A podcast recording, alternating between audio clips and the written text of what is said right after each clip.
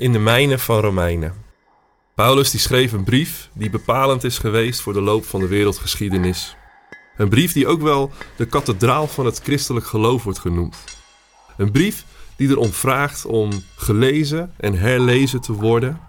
Een brief waar je schatten in kan opdelven, waar je in kan graven en waar je in kan zoeken. Een brief van Paulus, speciaal voor jou.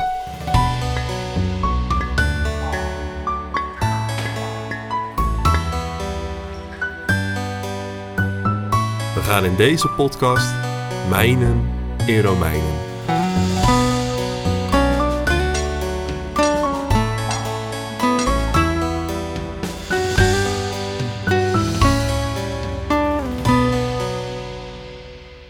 In de vorige aflevering zagen we Paulus' beschrijving van wat ware verbinding tussen mensen in de kerk betekent.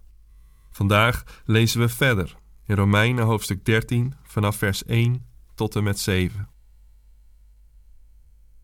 Iedereen moet het gezag van de overheid erkennen, want er is geen gezag dat niet van God komt.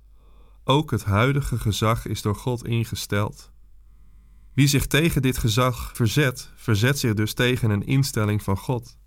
En wie dat doet, roept over zichzelf zijn veroordeling af. Wie doet wat goed is, heeft van de gezagsdragers niets te vrezen.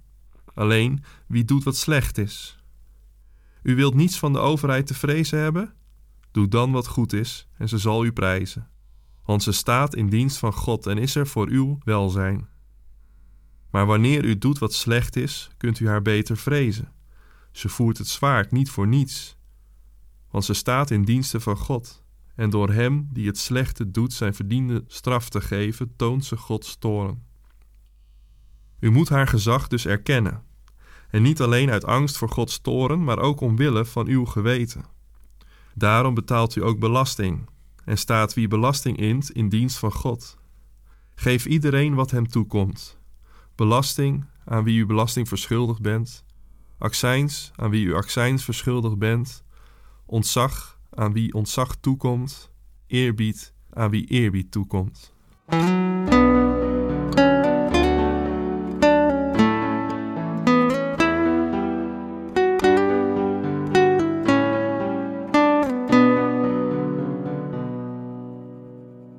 Ik heb altijd een gespannen relatie met overheden gehad. Als binnenvaartondernemer hadden we te maken met de waterpolitie, havendiensten, Rijkswaterstaat, allerlei soorten controleurs, vaarwegbeheerders enzovoort. Ook voeren we in negen verschillende landen en alle landen hadden zo hun eigen overheden, controlemomenten en regels. In de praktijk kwam het erop neer dat er periodes zijn geweest dat er maandelijks iemand dezelfde zaken kwam controleren bij ons aan boord. Ambtenaren leggen daarbij de regels nog wel eens verschillend uit wat weer een hoop gedoe geeft. Ik voelde me nog wel eens loslopend wild in de controle en regeldrang van de overheid, terwijl ik gewoon probeerde een vak uit te oefenen. Er zijn periodes geweest dat ik de vlek al in mijn nek kreeg als ik weer een controleinstantie aan boord zag stappen, met een aktentas onder de arm en een vastberaden blik in de ogen. De gespannen verhouding tot dit hele circus maakte mij van tijd tot tijd tamelijk opstandig.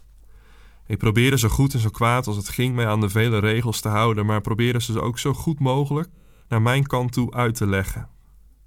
Ook gebeurde het regelmatig dat ik de regels maar even parkeerde om gewoon te doen wat gedaan moest worden: varen en geld verdienen.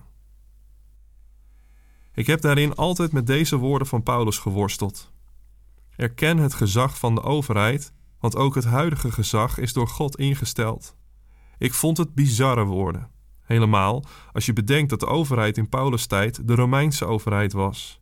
Met keizers die zich lieten vereren als God. Keizers als bijvoorbeeld Nero, die onvoorstelbare dingen uitgevreten heeft.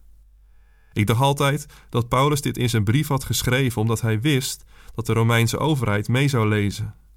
Dat Paulus hiermee als het ware het signaal af wilde geven aan de overheid dat de christenen in Rome niet uit waren op revolutie of onrust. En misschien heeft dit ergens in Paulus' overwegingen ook wel een rol gespeeld. Het gaf mij in ieder geval de ruimte om deze woorden van Paulus een beetje naast me neer te leggen.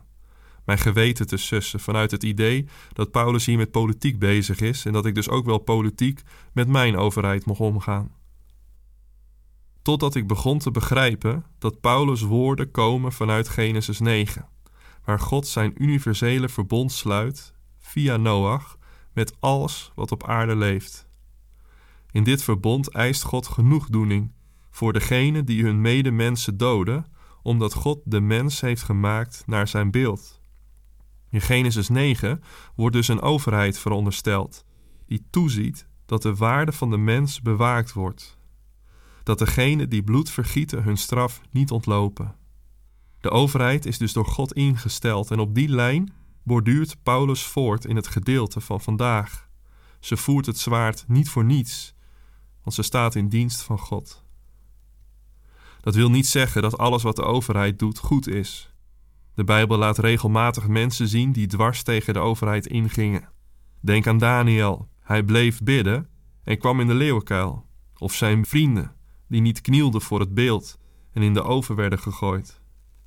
Tegelijkertijd schreven zij de overheid als geheel niet af, maar maakten er zelfs deel van uit. Daniel werkte aan het hof en zijn vrienden hadden het bestuur over de provincie Babel. Ik zie in onze tijd regelmatig christenen die de hele overheid verketteren, die de overheid als geheel afschrijven in hun spreken of in hun delen op de sociale media. Ik geloof niet dat dit de weg is die de schrift ons wijst.